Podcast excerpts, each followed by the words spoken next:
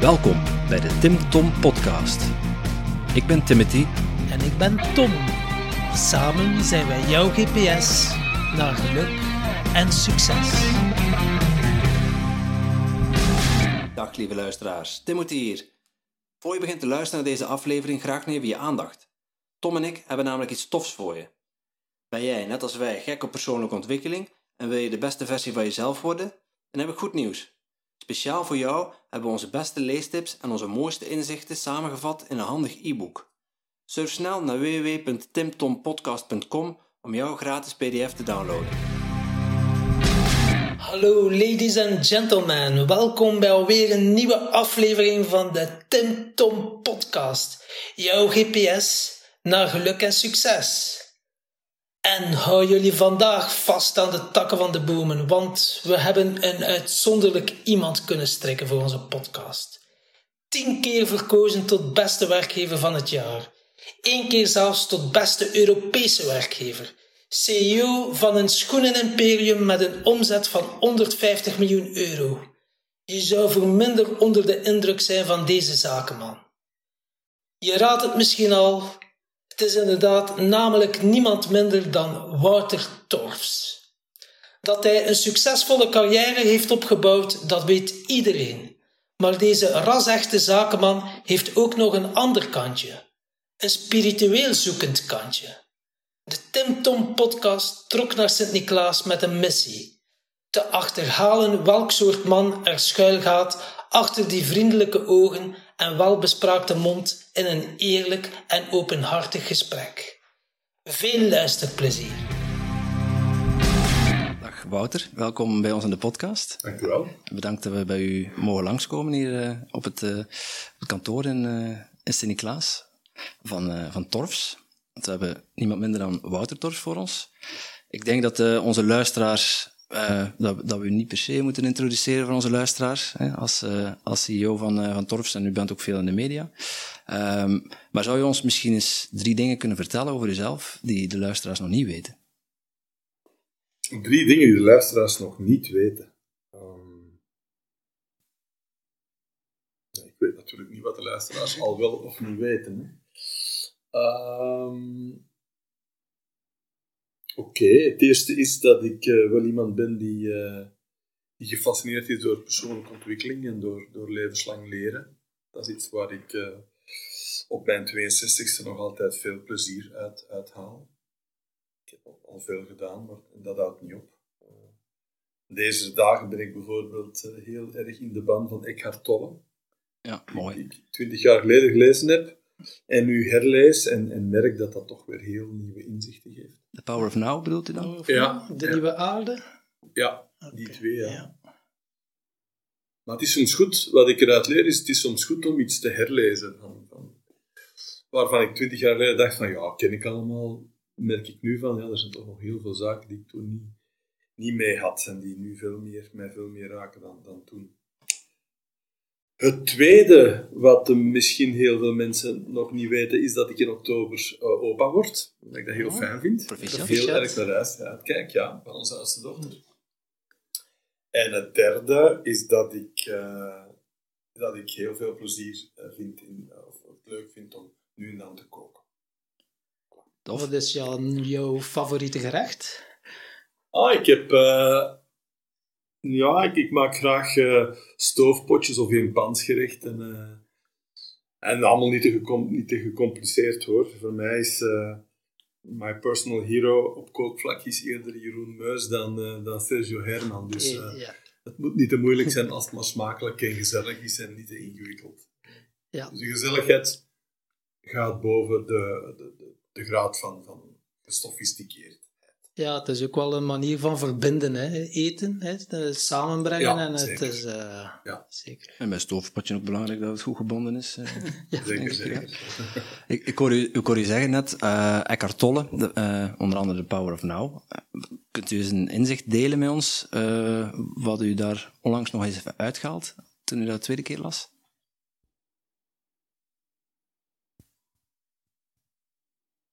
Ja, wat ik nu...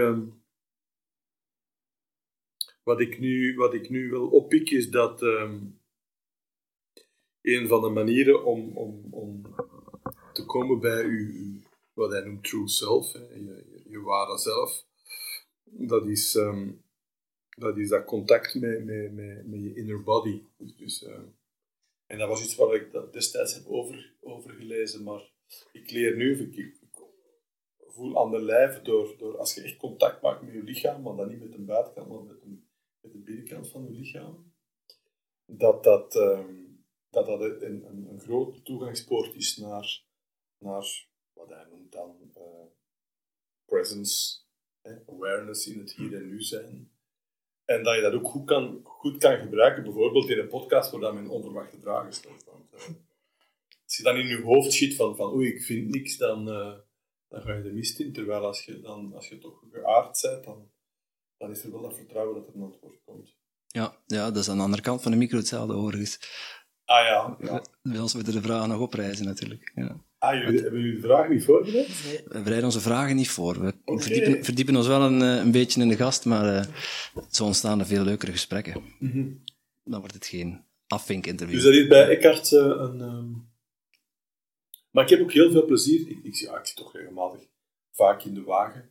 Veel plezier aan, aan de talloze talks die, die je op YouTube kan vinden. Hè. Dat kan misschien voor de luisteraars interessant zijn, mensen die veel in de wagen zitten.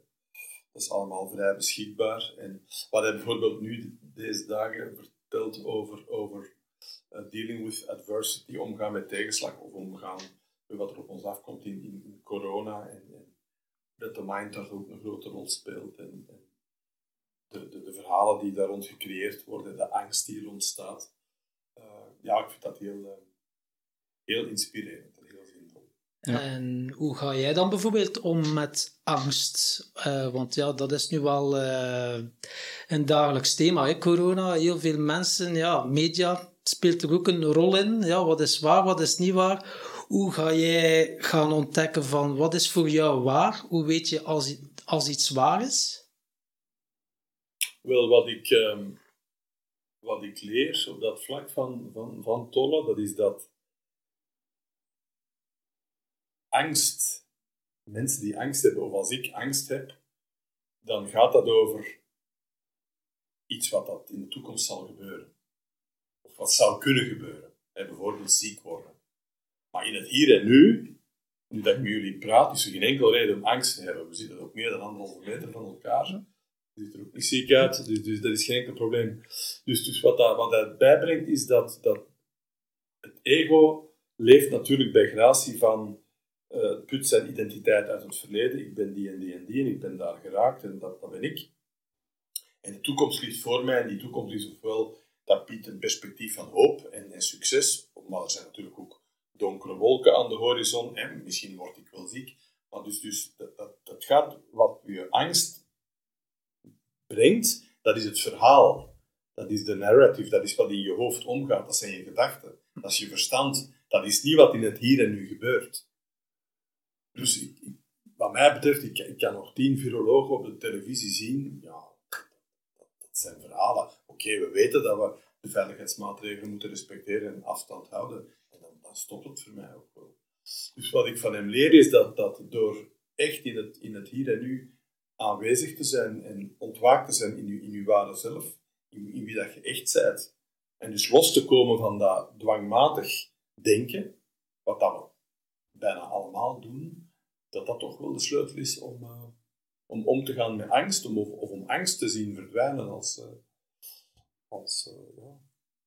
Een beetje de toeschouwer worden van je gedachten. Een beetje... Ja, maar meer dan toeschouwer worden van de gedachten. Hè? Want als je toeschouwer wordt van de gedachten, dan kun je nog altijd in een situatie zitten. Dat is de klassieke kalmeringsmeditatie van ik ben toeschouwer en dat zijn mijn gedachten. Het subject neemt dan het object de gedachte waar. Maar de stap daar voorbij is dat je, dat je echt in je, in essentiële identiteit komt, in je, in je diepe bewustzijn komt. En dat is gewoon aanwezigheid, presence, ja. awareness, gewaar zijn. En dat zijn er geen gedachten. Klopt. Er kunnen gedachten komen, dus zeggen van oké, nu ben ik content. Ja, okay.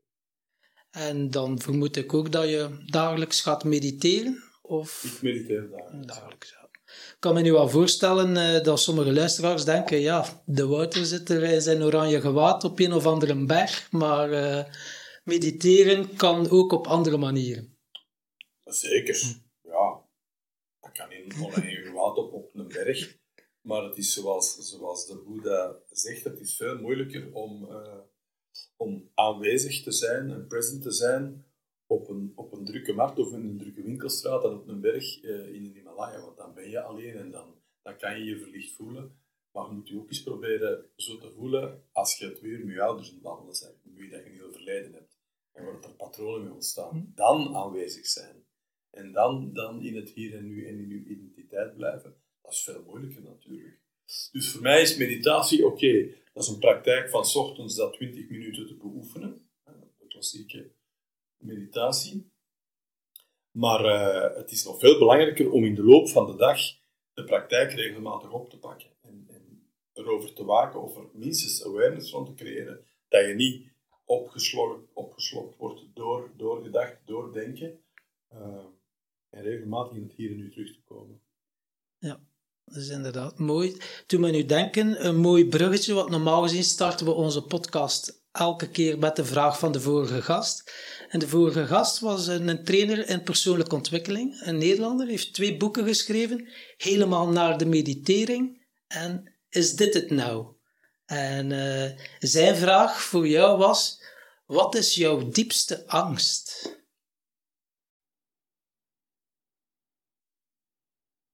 Ik denk dat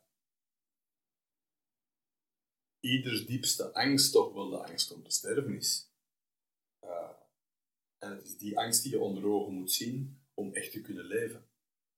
Want angst om te sterven vertaalt zich ook of concretiseert zich ook in de angst van te mislukken. Het angst dat het bedrijf fout zou lopen, dat met de kinderen iets zou gebeuren, met de vrouw iets zou gebeuren.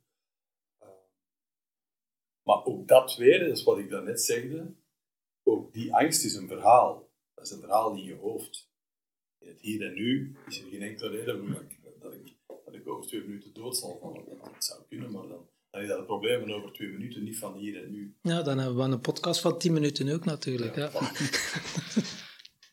en, u heeft het ook van dichtbij meegemaakt. Uh, ja, Want u bent geconfronteerd met, uh, uh, met, met diagnose kanker. Ja. Een aantal jaren geleden. Um, hoe, hoe, kwam dat bij u, hoe kwam dat bij u binnen? Ja, dat was wel, uh, dat was wel even schrikken om het zachtjes uit te drukken. Maar heel eerlijk, ik heb, ik heb niet de tijd gehad om, om er echt lang over te piekeren of om er, om er echt uh, onder te lijden, omdat ja, de, de diagnose kwam, maar de, de, de aanpak was ook meteen duidelijk, namelijk mijn, mijn, nier, mijn nier moest weggenomen worden. En die operatie die, uh, die werd 14 dagen later na de diagnose ingepland. Dat was nog voor kerstmis. Dus ik heb, heel snel. Ja. ja. dat is heel snel, maar het was dus ook heel acuut. En ik heb heel veel geluk gehad, want als die tumor was, wat men noemde gebarsten, en, en die, die, die, die, kwaadaardige cellen verspreiden zich over, over het lichaam, dan is, het, dan is het op heel korte termijn gedaan. Dus dat moest er snel uit. Maar door het feit dat het allemaal zo snel ging, en ik ook de, de boodschap kreeg, of de zekerheid kreeg na de operatie van, ja, kijk, die nier is weggenomen. Er zijn geen uitzaaiingen, er is niks extra. Ja, kon ik het ook echt wel afsluiten van, uh, ja, oké. Ik heb geluk gehad. Heb ik veel meer de, het aspect gezien van, uh, ik krijg een tweede kans, ik heb geluk gehad, ik heb hier nog iets te doen. Of ik, ik kan mijn leven toch nog, ja, nog iets mee doen. Dan wel van, het had kunnen gedaan zijn, of ik, ik, kan er een van chemokuren of van bestralingen, dat heb niet. Dus dat, dat viel uiteindelijk wel mee. Ja, en, en um, ja, heeft dat iets veranderd aan uw perspectief van uw, van uw eigen leven, van uw toekomst? Dat voorval? Ja, ja je wordt toch echt ge, met je neus gedrukt op de kwetsbaarheid van het leven. Dat het leven niet eindeloos is. En ja, je wordt toch veel, veel dankbaarder om, om wat er is. Uh, al wat, dat je, wat dat je hebt. Dan niet in de zin van materiële dingen, maar, vooral in de, in de zin van mensen, relaties. Uh, wat, er, wat er in je leven aanwezig is. Dat, uh, dat, is veel, dat besef is veel groter geworden dan voordien.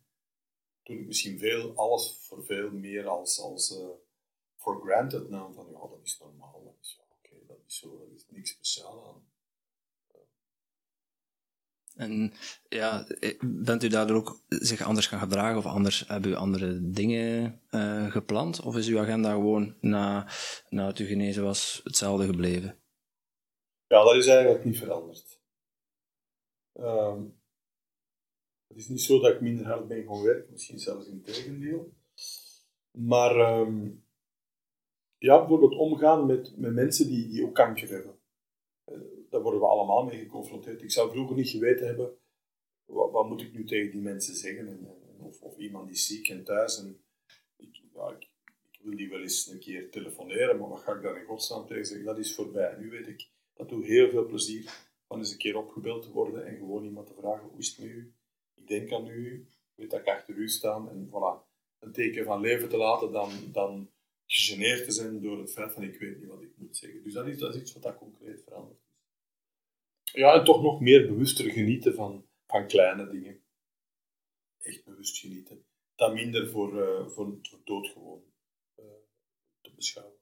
Dus de tip voor onze luisteraars, als ze in aanraking komen met kanker of iemand van hun omgeving, wat kan je dan als tips meegeven? Dus gewoon echt wel uh, op een bewuste manier vragen hoe dat met hen gaat ja, omgaan met, met, met kankerpatiënten, dat is, dat is zeker iets wat ik geleerd heb. Van daar bewust en met, met oprechte aandacht te vragen. Niet van, ik vraag het omdat ik het moet vragen, maar ik ben eigenlijk niet in het antwoord geïnteresseerd.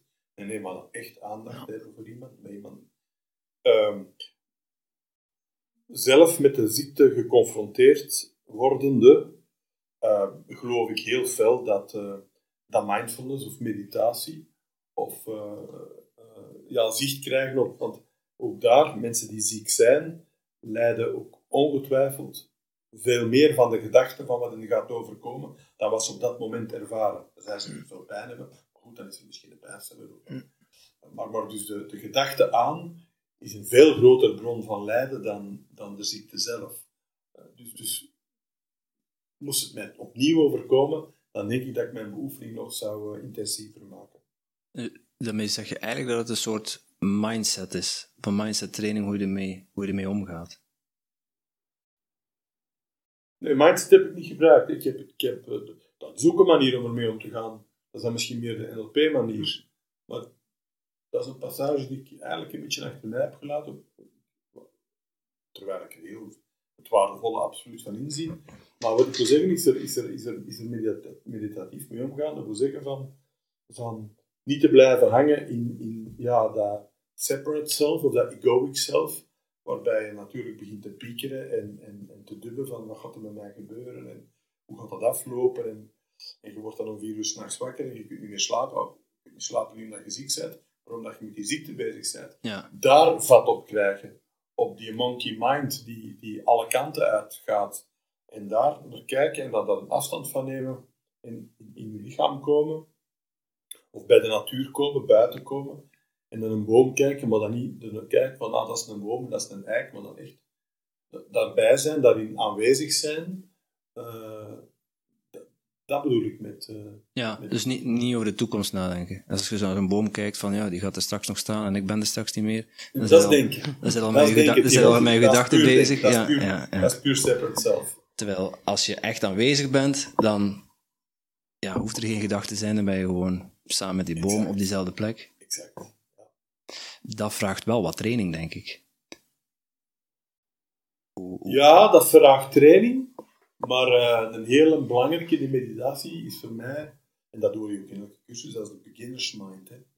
Het is altijd een proces van vallen en weer opstaan. Ik mediteer, ik mediteer al 30 jaar. Ja, ik heb nog nooit een sessie gehad van, van een kwartier of twintig minuten dat ik niet overvallen werd door, tal, door, door talloze gedachten. dat is gewoon zo. Maar dat is geen reden om het op te geven. En je kan misschien wel wat, uh, wat verbeteren, uh, maar het, uh, het, is geen competitie of het is, niet, niet, is geen skill die dat je kunt verbeteren. Het is een beginners mind van oké, ik, ik, stap er elke keer terug onbevangen in. Ik ga zitten en, en er dient zich aan wat, wat zich moet aandienen. Ja. dat is het eigenlijk. Ja, mocht het uh, een vak geweest zijn op school, ik denk dat er veel problemen zouden kunnen opgelost worden. Mocht dat van jongs af geïntegreerd worden. Ah ja, dat is absoluut. Dat is, een, uh, dat is ook een, een, een, dada van mij dat ik vind dat er, uh, zeker in de lagere school, maar ook op de middelbare school, te weinig aandacht wordt besteed aan persoonlijke ontwikkeling. En dat we onze kinderen overvallen met, met, met, met, met dingen met kennis en inhoud, maar te weinig, uh, te weinig zichzelf leren kennen, beter leren kennen. En hoe denk, hoe denk je dat het komt dan? Zijn we hier in België nog niet klaar voor? Of is het van niet willen of van niet weten uh, dat we nog altijd vast blijven houden aan uh, het starre schoolsysteem? Maar ik denk niet alleen dat het een probleem van België is. Ik, ja. ik, uh, ik denk dat er in de maatschappij sowieso een, een, een, een bijna uitsluitend accent op kennis is en op diploma's is. En bovendien, ja, dan moet, dat mag er in de, in de rand gezegd worden, het niveau van kennis gaat achteruit. Daar komt er dan nog eens bij, dus zo goed doen we dat nog niet. En we investeren heel weinig in EQ en in, in uh, human skills, in luistervaardigheid, in empathie, in, in uh, uzelf beter te leren kennen. Uh, maar het is niet alleen in België zo, denk ik. Dat, en met EQ bedoelt u de, de emotionele vaardigheden? met EQ bedoel ik emotionele intelligentie. Ja luistervaardigheid, relatievaardigheid, omgaan met conflicten, vragen stellen, zelfonderzoek, dat soort zaken. En mensen die nu geïnspireerd geraken van uw woorden, die de eerste stapjes willen zetten in het proces van persoonlijke ontwikkeling, waar raad je die mensen aan? Uh, luister naar bijvoorbeeld die persoon of, of ga dat boek lezen? Welke boeken bijvoorbeeld oh, hebben jou geïnspireerd? Ja, of? ik vind dat heel moeilijk, Tom. Okay. Ik, heb, ik heb heel veel dingen gelezen en gevolgd. En ik, ik, ik beschouw het aanbod van spirituele ontwikkeling, ik heb dat nogal gezegd in interviews, hè, als een groot koud buffet. Bij een, bij een huwelijksfeest. Dan, wat dat je niet mag doen, dat is je bord overvol scheppen van, van de, eerste, de eerste plateau die daar staat. Want dan heb je één ding geproefd. Nee, mijn advies zou zijn: proef verschillende zaken. Experimenteer.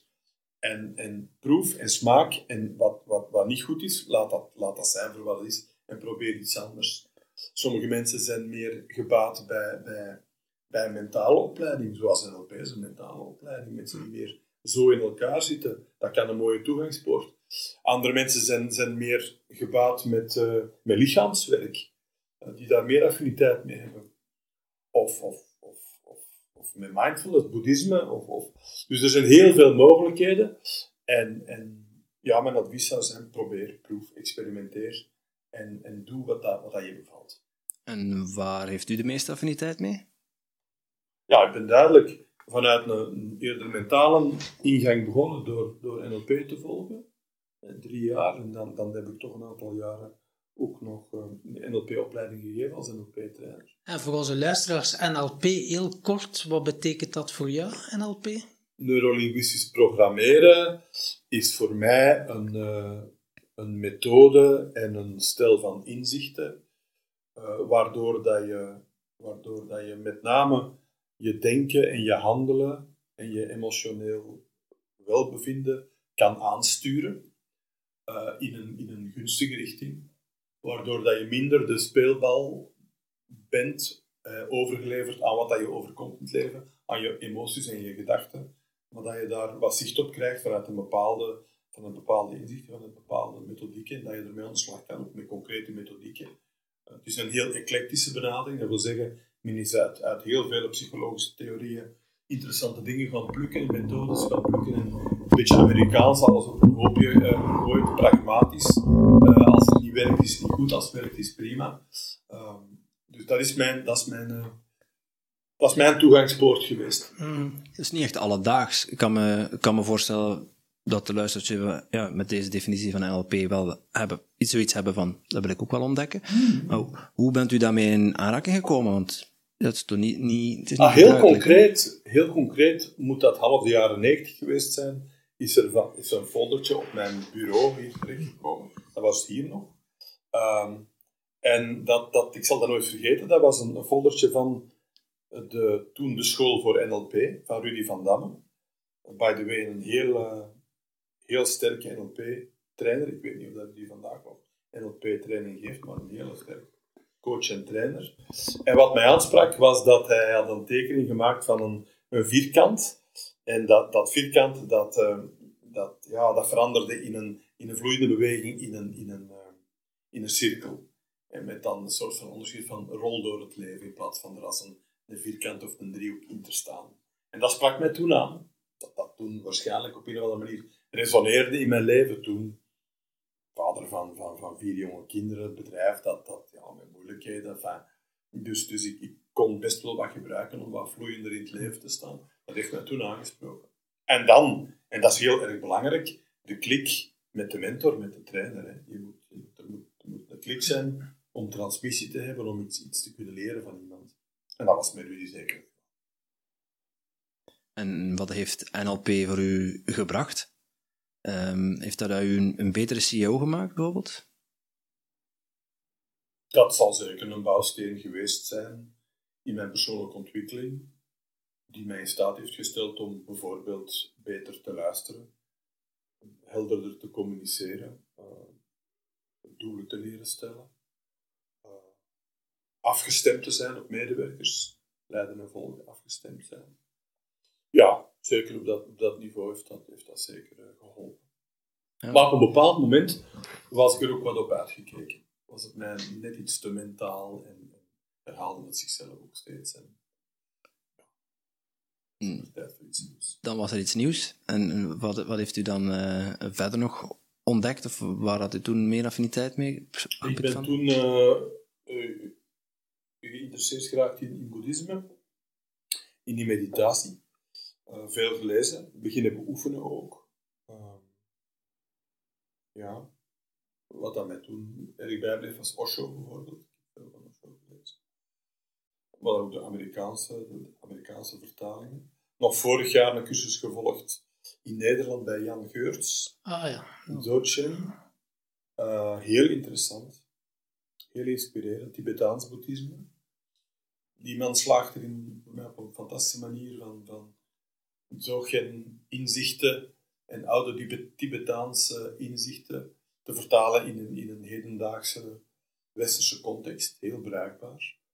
Uh, dat heb ik ook gedaan. Dan na de, na de, de boeddhistische periode, na, tegelijkertijd op een bepaald moment ben, ben ik uh, uh, workshops gaan volgen bij Dirk Oeliebrand. Ook een hele sterke leraar alchemie van leven, alchemie van leiderschap. Uh, meer gebaseerd op de, op de Tao de Taoïstische principes, met de verschillende natuurelementen. Meer het lichaam gaan uh, ontdekken. Dat is wel, want uiteindelijk, zowel NLP als ook als mindfulness zijn eigenlijk heel met, mentale methodes. Ook mindfulness of meditatie is zeer mentaal. Dat ze zitten en je gedachten observeren en het hier en nu aanwezig te zijn. Dirk was veel meer het lichaam is de bron van wijsheid en, en dat was voor mij toch nog wel een ontgonnen gebied. Dus daar heb ik dan ook veel aan gehad en, en ja, zo komen er altijd nieuwe dingen. Ik kan me wel voorstellen dat sommige luisteraars denken van ja, de zaakwereld is toch keihard. Hoe kan je dat combineren met, uh, spiritu uh, met spiritualiteit? Maar u lukt het blijkbaar wel, want u bent, uh, ik heb hier net in de hal gekeken en over de tiende op een volgende keer werkgever van het jaar. Ja, wij zijn tien keer verkozen tot beste werkgever van het jaar en één keer tot beste Europese werkgever. Dus daar ben ik wel trots op. Um, maar als je die vraag zo stelt, dan lijkt het alsof er een tegenstelling is tussen spiritualiteit en het harde zaakleven. Ik denk juist dat, dat het harde zaakleven, ja, dat is maar zo hard als je het zelf maakt. Uh, en dat spiritualiteit daar een juist heel belangrijke rol in kan spelen om, om het vol te houden, om, uh, om er wat meer diepte in te krijgen, om een, een andere purpose of een andere finaliteit te krijgen dan puur financiën, dan puur winst maken. Uh, dat is wat voor mij heel erg belangrijk is vandaag. Ik beschouw het feit dat wij gekozen zijn tot, tot beste werkgever tien keer als minstens evenveel winst als een, als een, als een EBITDA-percentage van, van 10 of van 12 procent. Ja, want ik kan... Dus ik, ik zie helemaal geen, in tegenstelling tussen spiritualiteit en, en het harde zaakleven. Ja, ik weet wel vanuit een klassieke benadering dat het zaakleven materialistisch en, en, en, en, is een win-lose matrix. Als, matrix. als ik win, verliest iemand anders. Ehm, maar ik denk dat, dat je dat juist door spiritualiteit kan overstijgen. Ja, want je hebt het soms hard te verduren. Nu de laatste maanden, noodgedwongen door de coronacrisis, moest je dan een paar ontslagen doen. En ja, ze hebben nu echt wel niet mooi behandeld als je dan de commentaar leest. Ja. Hoe, ga je er dan, hoe ga jij dan om met kritiek? Ja, dat was niet gemakkelijk. Hè. Ik had er geen doekjes rond doen. Ik, ik vond dat toen uh, niet echt rechtvaardig. Uh, wij hebben toen 24 mensen ontslagen, ja, omdat we wisten van in het komende jaar gaan wij geen extra mensen aanwerven, dus we hebben geen recruiters nodig, we gaan geen winkels verbouwen. Dus dat, dat, dat, dat facility teams was ook te groot en in de winkels waren ook hier en daar mensen te veel. En we zijn daar heel transparant in geweest, we hebben dat gecommuniceerd en dat is gelekt naar de pers. Dat ging over 24 ontslagen, dat is heel erg, want elk ontslag is een ontslag te veel. Uh, maar enkele weken nadien regende het elke dag honderden of duizenden ontslagen uh, en werd er nog nauwelijks in de pers of men moet nog aandacht aan besteden. Dus ik ervaar dat toen wel als, als niet echt rechtvaardig en, en, en, en misschien een beetje naïef van mij dat het niet meer onder de radar is, was gebeurd, dat perfect gekund. Maar we hebben ervoor gekozen om dat niet te doen. Juist vanuit Great Place to Work, waarin dat transparante communicatie ook een waarde is.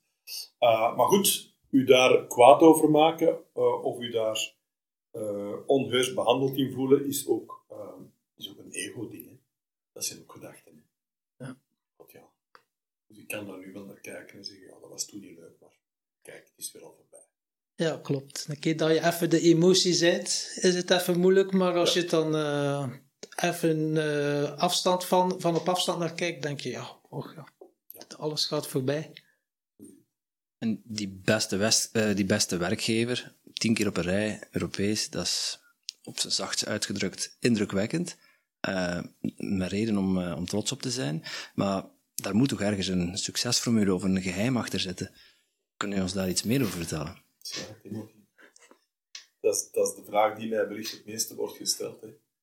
Ik heb er ook een boek over geschreven van, van 300 bladzijden, dus het is heel moeilijk om dat nu uh, zomaar in een nutshell te verpakken. Um, dus mensen, luisteraars die er meer, die, die echt willen weten van, van waar, waar wij de mosterd halen, want dat is onze mosterd, dat is daarom niet, dat is geen evangelie.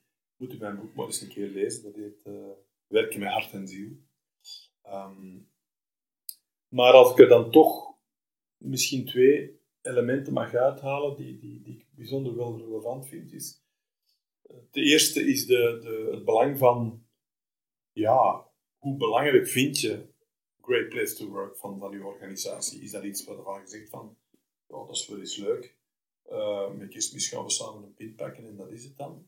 Of is het echt een voortdurende focus van, we willen van onze werkplek een fijne werkplek maken? Omdat we geloven dat door te investeren in een fijne werkplek, dat je ook werkt aan duurzame economische groei, want dat zijn mensen die.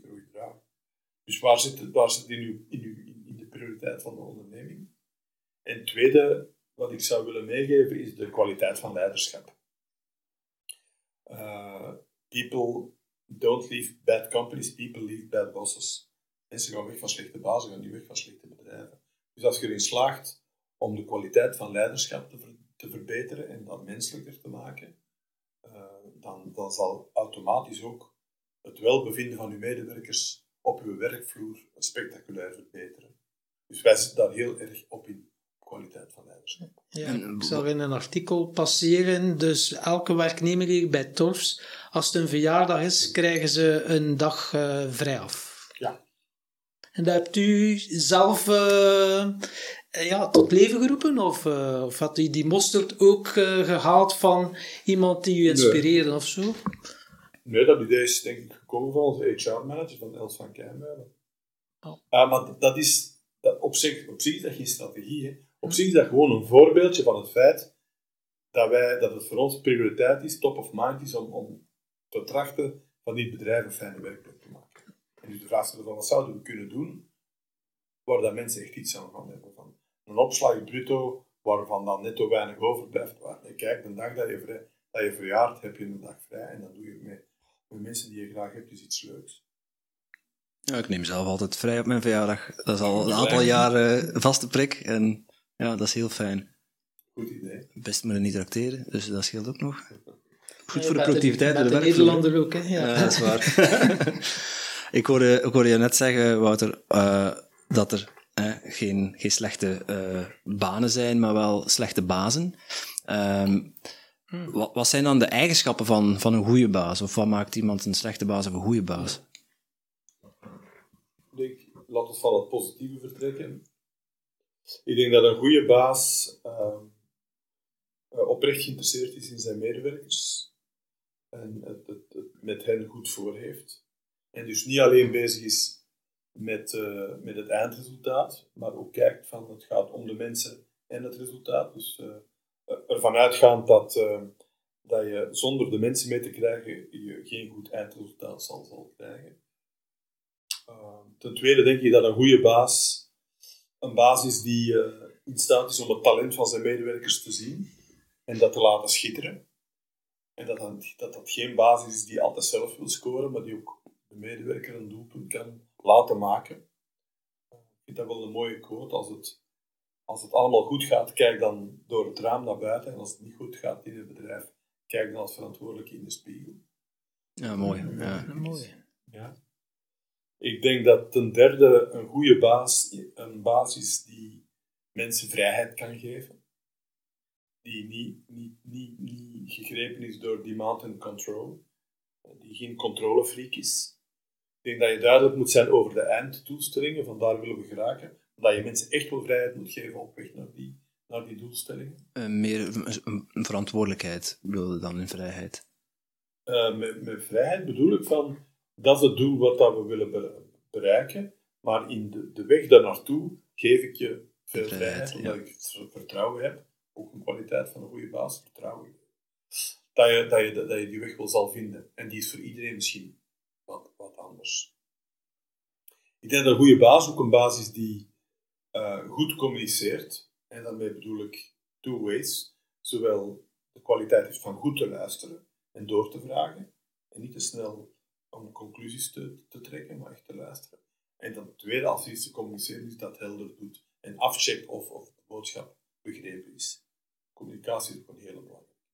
Ja, dus ik hoor communicatie, de medewerkers vrijheid geven en ja, eigenlijk als baas zelf verantwoordelijkheid nemen voor um, ja, als, er iets niet, als er iets niet slecht gaat of de werknemers, het bedrijf presteert niet, om dan vooral naar uzelf te kijken, niet naar uw personeel. En last but not least, um, en dat is misschien nog het belangrijkste, het klinkt het gewoonste, maar het is voor veel mensen niet zo gewoon, waardering geven. Kunt, uh, dat wordt zo vergeten en, en, en medewerkers, bazen vinden van dat mijn medewerkers weten dat ik hen waardeer. Het volstaat niet dat ze dat weten, je moet het ook expliciet doen. Waardering uitspreken. Ja. En het, het effect daarvan, hoe vertaalt zich dat op de, op de werkvloer? Ah, mensen, mensen, gaan, mensen gaan, gaan gemotiveerd zijn, mensen gaan zich goed in hun vel voelen, gaan zich gezien en gewaardeerd voelen en daardoor nog, nog met meer plezier en met meer passie komen werken. Maar het is niet daarom dat je het moet doen. Hè. Je moet het doen omdat je erin gelooft en omdat ook, ook een gewaardeerde medewerker die zich goed voelt in zijn job en, en daarin, daarin, daarin schijnt, um, ja, dat is ook als, als werkgever, als, als baas leuk. Het is toch veel leuker van omringd te zijn door mensen die met plezier komen wensen en die gelukkig zijn op hun werk, dan door mensen die aftellen tot het vijf uur wordt en dat naar huis mogen. Absoluut. Ja. Zal dan ook wel zo gegroeid zijn, want ja, je hebt ondertussen 80 winkels, dus dan heb je echt wel die waarden en die visie. Hoe breng je dat in je bedrijf aan? Je hebt, uh, heb je zo een muur, een wal waar dat staat, dat zijn de waarden, of dat is onze missie, of ons visie? Ja, we hebben, de, de missie hangt hieruit, maar ik geloof niet zo in, in walls en muren waar, dat, waar dat missies en waarden aan, aan hangen. Het, het komt erop aan dat, dat, dat, dat missie en waarden beginnen te leven bij medewerkers. Uh, en de vraag is dan, hoe kan je zoiets tot leven brengen? Ja, dat is door er toch regelmatig rond samen te zitten, door er rond samen te werken, door hun input te vragen, door te, te vragen van, dat zijn onze waarden, wat betekent dat concreet voor jou? Wat betekent dat concreet in dat team? Dus mensen daarin betrekken, geen top-down communicaties, van, uh, ja, dat is, dat zijn onze waarden, dat is onze missie. Maar me medewerkers daarin te betrekken. Bijvoorbeeld onze waarden, die zijn die zijn, die zijn bij Torfs niet door het management bepaald, die zijn bottom-up bepaalt in een waardeoefening met de medewerkers. Nou, ook een heel andere aanpak natuurlijk. Ja. Wat zijn de, de waarden, de top 3 of de top 5? Wel, we hebben een aantal zachte waarden en daar is een heel belangrijke. Uh, jezelf kunnen zijn. Je mag jezelf zijn. Waardering geven en waardering krijgen is voor ons een belangrijke waarde. Uh, werkplezier, het mag, het mag ook leuk zijn. Het moet niet alleen, afzien zijn. Uh, echt contact maken met elkaar. Spreken en zijn met elkaar vanuit het hart, niet alleen vanuit het hoofd. Dat is bij ons ook onwaar.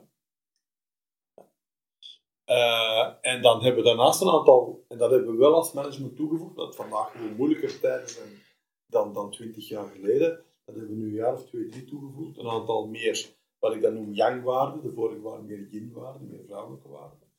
Dat is, we willen resultaatsgericht zijn en competitief, want we weten dat er toch wel moet geklopt worden. We willen wendbaar zijn, hè, want de tijden uh, zijn niet van die aard dat je kan zeggen ik heb het 20 jaar zo, zo gedaan, ik zal het nog 20 jaar zo doen. Je moet agile zijn, je moet wendbaar zijn. Dan had Torf niet meer bestaan, denk ik. Nee. Dan had Torf niet meer bestaan, nee. En uh, je moet uh, ownership nemen, je moet verantwoordelijkheid nemen. Als je zegt dat je iets gaat doen, uh, dat kan ook als verkoopster in een winkel zijn. Als je zegt, mijn afdeling die zal, die zal piekfijn staan, dan moet je de verantwoordelijkheid voor nemen. En niet, niet met de vinger wijzen naar iemand anders van, ah, zij had het moeten doen. Je bent nu succesvol ondernemer, kunnen we wel stellen. Maar je hebt niet altijd ondernemer geweest. Je hebt ook nog een carrière als advocaat. Heb ik... Ja, ik ben drie jaar advocaat dat is lang geleden. Heel lang geleden. Ja. En dan, uh, dit is een familiebedrijf, heb ik uh, ja. begrepen. En dan heeft u het overgenomen, al direct aan het hoofd? Of was dat... Uh... Nee, nee, ik ben in 1986 in het bedrijf gekomen. Um, en toen was mijn vader hier nog actief en zijn broer en schoonbroer. En zochten zij eigenlijk opvolging.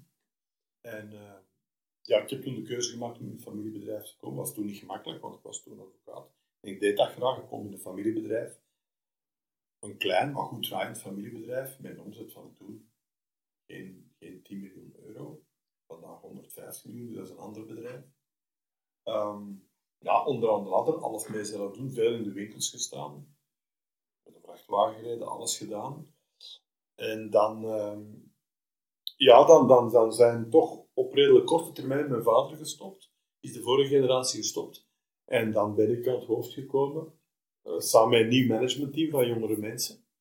Uh, ja, zijn we, zijn we toen begonnen. Hè. doorgestart.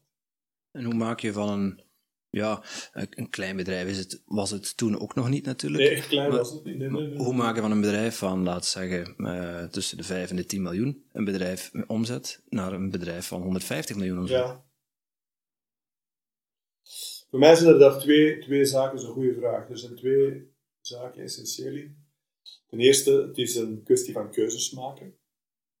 Van duidelijk te bepalen, wat uh, doe ik wel, wat doe ik niet en van dus uit de routine te stappen en, en niet te zeggen van, en dan, zo ben ik begonnen, hè, van, het is niet omdat mijn vader op 20, 30 jaar de zaken zo heeft aangepakt, dat dat, dat, dat automatisch de, de beste manier is om dat in de toekomst ook terug te doen. Um, we, we, hebben een heel moeilijke periode gekend in de overgang, eh, half de jaren 90. Op het moment dat Brandtano opkwam, winkels openden open de andere rand van de stad. We hadden allemaal kleine stadswinkels. Wij waren toen echt in verdrukking. Maar ja, dat was het succesmodel van de vorige jaren geweest.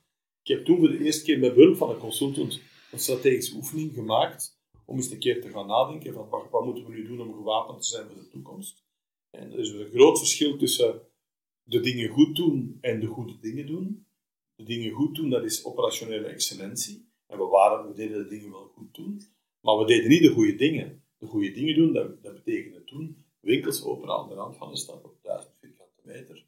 Eh, inzetten op, meer merken, meer, meer, meer beleving. Een paar jaar later inzetten op, op e-commerce. Dus, en daar heb ik geleerd het belang om aan, aan strategie te doen. Dus om om de drie jaar toch eens een keer je bureau vrij te maken en eens een keer fundamenteel in vraag te stellen. Zijn we wel met de juiste dingen bezig? Dat is iets anders dan we doen de dingen goed. Ja ja, een keuze maken en daarmee oogkleppen op, uh, maar dan blijven vastklampen. dat is niet echt een succesformule als ik het zo Nee, nee, nee, nee. Het is niet een keuze maken en met oogkleppen op blijven achteraan lopen. Nee, wij hebben de traditie om, elk, eh, om elke drie jaar die strategische oefening opnieuw te maken, maar elk jaar wel een update te maken en een actualisatie te maken. Want de zaken gaan zo snel vandaag dat je onmogelijk kan zeggen van ik maak hier keuzes en die zijn, die zijn future-proof over drie jaar. Dat is de tijd, het verandert zo snel, dat kan je doen. Dus je moet keuzes maken, maar je moet wel de moed hebben en de bereidheid hebben om die elk jaar bij te sturen. En toch wat, wat te wijzigen, misschien niet fundamenteel, maar wel in functie van nieuwe, nieuwe omstandigheden. Je hebt uh, ook uh, ervaring bij het begeleiden van startende ondernemers. Ik meende mij te herinneren in een VT4-programma en op één heb je ook wel in een jury ja. of zo gezeten. Ja. Mensen, ja, uh, veel luisteraars zijn ambitieuze, leergierige, leergierige ondernemers. Welke tips heb je voor hen als ze zoiets hebben? Oké, okay, ik wil iets nieuws in mijn leven. Ik, wil, ik heb een idee, ik wil dat uitwerken. Wat zijn bijvoorbeeld voor, wat zijn belangrijke tips en wat zijn valkuilen? Ja, wat zijn belangrijke tips? Ten eerste is uh, vertrek van, van, van, van je passie. Hè. Het moet iets zijn waar je echt van gepassioneerd bent. Uh, en waar, waar, dat je, waar dat je het gevoel bij hebt van als ik met dat idee bezig ben, of als ik die activiteit doe, dan heb ik niet het gevoel dat ik aan het werken ben. Dan, is het, dan ben ik in de flow en loopt het moeiteloos. Tweede is dan, ja, let toch ook op de centen. Uh, denk toch na over een, over een, een stevig businessplan, waar je jezelf niet rijk rekent, maar dat je een realistische inschatting maakt van dat is wel een fantastisch idee, maar zit er in dat idee ook een, rendement? Kan ik mijn kost daarmee verdienen? Dus, dus wees daar kritisch over. Drie is, um, en dat is misschien nogal Vlaams, denk niet dat je dat allemaal alleen moet doen. Samen sterk zou ik zeggen. Zoek, zoek liever een paar uh, ja, mensen die complementair zijn. Dat je niet alleen aan de kar van je idee moet trekken, maar dat je er met een paar mensen kan aantrekken. Mensen die complementair zijn, dus zoek geen kopies van jezelf, want dat ben je zelf al. Maar dat is natuurlijk het verleidelijkste, dat is het makkelijkste. Maar zoek mensen die je durven tegenspreken, die misschien andere kwaliteiten hebben, die anders in elkaar zitten. Dat zal het geheel rijker en gebalanceerder maken. Ja, met elf Messi's gaat het kampioenschap niet winnen. Nee, ja. we willen allemaal één scoren. Ja. En valkuilen... Uh, ja. Ja, toch, toch, toch te snel denken van... Uh, dat zal wel lukken. Uh, en dan toch niet, niet gedisciplineerd genoeg doorgedacht tot alle consequenties. Dus het businessplan niet genoeg doorgedacht van wat is dan echt het verdienmodel. Meer vertrekken van een intentie. intentie ik zou graag dat doen. Maar ja, zijn daar veel klanten voor en hoeveel klanten heb ik dan nodig? Dus dan toch die, die, dat niet, niet hebben doorgedacht. Ja, qua, qua businessplan, natuurlijk, het is een, uh, ja, een populair onderdeel van uh, als, je, als je gaat starten. Ik kan me ook heel voorstellen dat heel veel mensen daar niet, uh, niet goed over nadenken. Of, maar eigenlijk komt dat misschien ook omdat ze niet goed weten hoe ze eraan moeten beginnen. Um, zijn er zo een aantal elementen te benoemen waar ze in ieder geval aan moeten denken? Voordat ze hun, hun idee verder vormen naar een onderneming? Ja, dat businessplan is uiteraard fundamenteel. En als, als je niet beslagen voelt om, om, om dat zelf te maken, wat dat geen enkel probleem is, laat je dan bijstaan. Hè. Een goede accountant hoeft helemaal niet zo duur te zijn. Het moet vooral iemand zijn die kritische vragen durft stellen, waar je dan in alle eerlijkheid moet op antwoorden. Uh, ja, en natuurlijk ook bereid zijn om de eerste jaren uh, ja, zwarte sneeuw zien, dat, dat wens ik niemand toe, maar, maar ja, dat zal dan toch iets opbouwen, heeft gewoon tijd nodig en geduld en, en, en doorzettingsvermogen. Het is, het is een kwestie van heel veel transpiratie en, ja, en, en, ook wel inspiratie, maar veel meer volhouden en transpiratie, denk ik. Ja, dus volhouden, doorzettingsvermogen. Ook ja, en dan toch ook op, op, tijd, ja. Er is, niks, er is niks fout aan mij op een bepaald moment onder ogen te zien. Ja, dit was nader bekeken toch geen goed. Dan liever op tijd stoppen, dan blijven schulden te maken of blijven goed, goed schiks, kwaad schiks, blijven doorgaan terwijl dat een verloren zaak is. Dan liever conclusies trekken. Uh, falen hoeft geen definitieve mislukking te zijn, als het een leerervaring is. Hè. Dat zijn toch van die van die slogans in die... Ja, falen is uitgesteld succes, Ja, ik Feedback is de, Ja. de Champions Breakfast. Maar dat is wel waar natuurlijk. Hè. Als je lering kunt trekken en dan ga je wijzer aan het volgende initiatief eh, beginnen. En toen u begon met uw, eh, met uw onderneming, tenminste als, eh, als leidinggever, als CEO, ehm, u vertelde net, u gaf als tip voor de startende ondernemers, omring je met mensen die, eh, die het al gedaan hebben, die, omring je met andere mensen, zodat je verder vooruit komt. Wie waren zo in uw omgeving, als u één persoon zou moeten noemen, wie was dan in uw omgeving, ehm, ja, wie lag daarvan aan de basis van het succes van, van Torfs, van u als ondernemer? Oh, dus ploegwerk, het is teamwerk geweest. Ehm, het su- succes van Torfs eh, heeft te maken met, eh met een managementteam, waarin dat eh, verschillende managementleden echt heel veel eindverantwoordelijkheid hebben gekregen en hebben gedragen, en stuk voor stuk in hun gebied veel betere specialisten zijn dan ik. Dus niet, niet toe te wijzen aan één persoon of één geniaal idee, maar gewoon stuk voor stuk mensen die, die, die, heel veel expertise en ervaring hebben opgedaan en heel veel mandaat hebben gekregen om, om, dat, eh, om dat in werkelijkheid om te zetten. Ik ben niet de CEO die het, het, het, beste weet. Hè. Ik, eh, als mijn aankoopdirecteur zegt dat dat is de richting, of de salesmanager zegt dat is de richting, dan ga ik ervan uit dat zij meer specialist zijn dan, dan ik. Ik kan wel kritische vragen stellen, maar je moet ook vertrouwen kunnen geven aan goede mensen. Goed u voor de CEO's die denken dat ze alles zelf het beste weten. Het kan waar zijn, maar dat betekent dat ze misschien niet de beste medewerkers zijn. Ja, ik kan me ook voorstellen, ja. Dan weten ze, al, als ze alles, hetzelfde, als alles beter weten dan een, dan, of dan een team of uh, managementteam, dan uh, zitten de, niet de juiste mensen op de juiste plek. Um, we naderen ongeveer het, het, uur en we hebben nog een, een, paar vraagjes die we eigenlijk altijd in onze podcast steken. Uh, dus ik zou die graag op tafel gooien. Uh, de eerste vraag is, uh, Wouter, wat is voor jou de definitie van succes?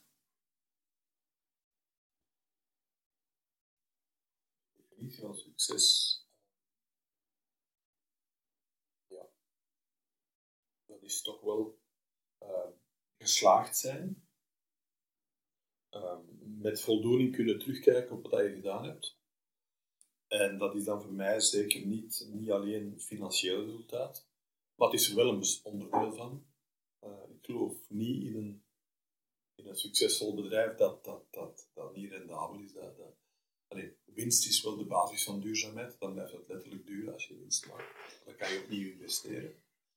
Uh, maar dus niet alleen de financiële component. Voor mij is het feit dat mensen hier met plezier komen werken, die, die, die, die great place to work, dat is voor mij ook een vorm van, van succes. Uh, dat, dat, dat is ook onlosmakelijk verbonden met dat financiële aspect. Ik denk ten derde ook, uh, succes is een bedrijf dat duurzaam is, in de zin van het heeft een langetermijn perspectief en het draagt wezenlijk iets bij aan de samenleving. Het is er niet alleen voor zichzelf of voor zijn aandeelhouders, maar het bedrijf heeft waarde in de samenleving en stelt zich ook op als een verantwoordelijke burger in de samenleving, maatschappelijk verantwoord ondernemer. Dat is voor mij ook, ook, ook uh, succes.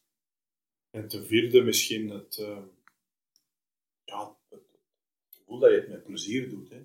Dat, je, dat, je, dat ja. je met plezier uit je bed komt om, om, om, om te gaan werken, dat het geen, geen, geen last of geen juk is. Uh, dat is voor mij ook een component van succes. Ja, en dat voel je vooral persoonlijk natuurlijk. Ja. ja.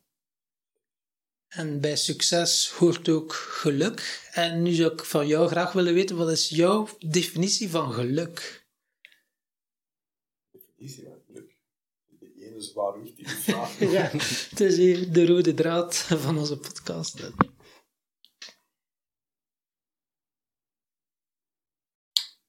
geluk zit um, in de kleine dingen van het leven. Hè. Het, uh, het kunnen genieten van wat er is, van, van, van, van wie je bent, wat je hebt, van het moment zelf. Um, ja, ik zou misschien nog eerder spreken van eerder van geluk dan van, van liever van geluk dan van uh, plezier of, of, of, of, ja, dat is misschien ook heel joy, het, het, het uh, vreugde. Mm. Uh, vreugde scheppen in het leven. En dat kan je maar doen door uit je hoofd te komen en door in het hier en nu uh, vreugde te hebben om wat er, wat er zich aandient en wat er is. Uh, ja. En dat is wel iets wat, dat je, wat, ik, wat ik nu wel... Ik heb er veel stap, stappen in te zetten, maar wel aan het leren, nog meer aan het leren. Ik weet dat ooit, dat was een klassieke vraag van waarom ben je, als je half de dertig waard, ben je begonnen met NLP? En dat was mijn klassieke antwoord van ja, ik had alles in het leven, maar het is gelijk van dat er ook een vraag was van is het dat nu? Ehm, ja, dat is natuurlijk die vraag van is het dat nu? Dat is de perfecte vraag om ongelukkig te zijn. Ja, Want dat is, absoluut. Dat, is dus in essentie zeggen van wat er nu is, dat is het niet. Het moet nog komen. Of het zal nooit komen. En dat is dus compleet abstractie maken of blind zijn voor de schoonheid van wat er op dat moment. En dat is voor mij wel een, een levenslang proces geweest en dat is nog altijd bezig. Maar dat is dus ook hoopvol dat je, dat je kan veranderen. Uh, om dat onder ogen te zien en dat, dat, dat, anders te bekijken. Ja, en levenslang leergierig zijn, is daar wel een, uh, een mooie eigenschap bij natuurlijk dan. Uh. Ja, dat is een mooie eigenschap. Maar leergierig zijn, ook nog vanuit het standpunt van, het is leuk om leergierig te zijn in het hier en nu. Uh, niet vanuit het standpunt van, en als ik dat leer, dan kan ik er allemaal nog dat en dat en dat mee doen, of dat en dat mee bereiken. Want dat is dan ook weer een gedachte die het, de vreugde uitstelt in de toekomst. Terwijl echte vreugde, dat is in het hier. Dus genieten van het proces en niet als je het doel behaalt uh, uiteindelijk. Uh. inderdaad, de boeddhistische slogan van de weg is uh, belangrijker of minstens even belangrijk dan er was dus nog één vraag ja, uh, die ik nu wel graag een keer wil bijnemen. Dat was uh, Christian van Tilo hadden we over, over laatst als gast. En die zijn vraag voor de volgende gast was... Vertel ons, wat was jouw grootste keerpunt in je leven?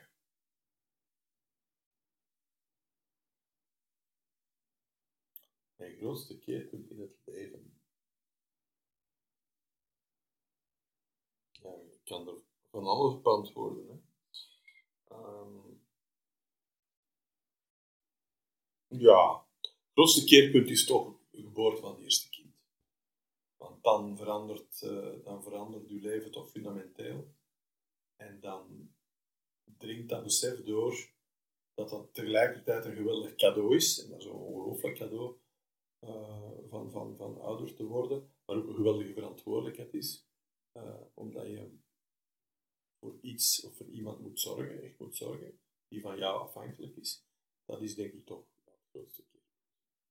ja, dat klopt. Je hebt nu ook vier kinderen. Ik heb nu ook een dochter. Eh, maar om die warm te maken voor persoonlijke ontwikkeling en meditatie, dat is, uh, hoe heb jij dat? Uh, of heb jij dat uh, met de paplepel ingegeven bij je kinderen? Ik heb dat zeker met de paplepel ingegeven, Tom. En dat heeft totaal geen effect. Ik herinner me nog dat ik NLP-oefeningen deed met dochter Evelien. Die was toen 12 of 13 en die kon eindelijk skiën. En die zei toen ik zou willen gaan snowboarden. En ik dacht, oh nee, dan moet ik dat terug allemaal opnieuw. Ik weet nog dat ik met haar aan tafel een oefening deed, een visualisatie van skiën en snowboarden. En ja, dat, dat, had natuurlijk geen effect. En dat, dat botste op weerstand. Maar ik merk nu, en nu zijn we zoveel verder, nu zijn ze tussen 26 en, en 34, dat ze alle vier ook uh, heel veel interesse, hebben en gepassioneerd zijn rond persoonlijke ontwikkeling en, en rond al die zaken. Dus de tijd komt als hij er rijp voor is. ik dacht dat je ging zeggen skiën, maar... Uh, ja, en, dat, en nu, nu snowboarden. Gelukkig zijn ze gaan snowboarden, ja. ja die neem ik al dus die, die tijd komt. Ja, okay. Dus ik zou zeggen, blijven zaaien en geduld hebben. Uh, en de grond vruchtbaar maken. Maar je kan niet al het gras trekken om het te doen groeien. Dat komt wel. Mooi. Tot slot, uh, Wouter. Um, zou jij een vraag willen stellen aan onze, aan onze volgende gast? En we weten nog niet wie het is. Um, maar het mag een mooie vraag zijn, een inspirerende vraag.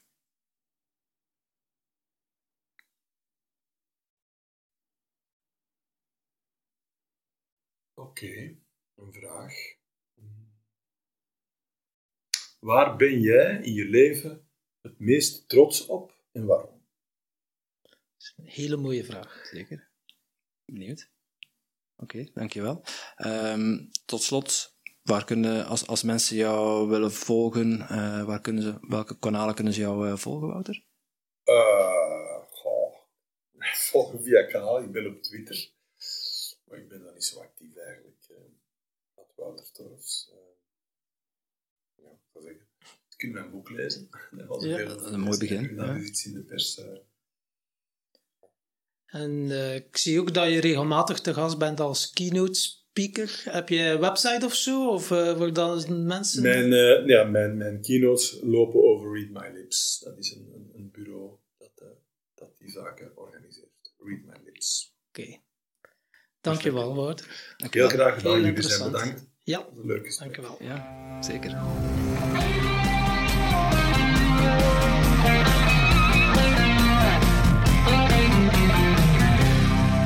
Ja, lieve luisteraars, dat was hem alweer voor vandaag. Weer een route voorbij van de Tim Tom podcast. Ik hoop dat je het waardevol hebt gevonden en dat je ons dat ook zou willen laten weten. Mocht je nog niet geabonneerd zijn op onze podcast, doe dat dan even. En wat we heel erg leuk zouden vinden, is dat je ook even een review zou willen achterlaten. We vinden het natuurlijk heel leuk om te horen van jou wat je van de podcast vond, welke inzichten je eruit hebt gehaald en om dat dan natuurlijk in het reviewgedeelte terug te gaan lezen. Heb je nu een vraag? Stel hem dan op de social media. Onze kanalen zijn Facebook, Instagram, LinkedIn of je kan gewoon mailen naar info@timtompodcast.com.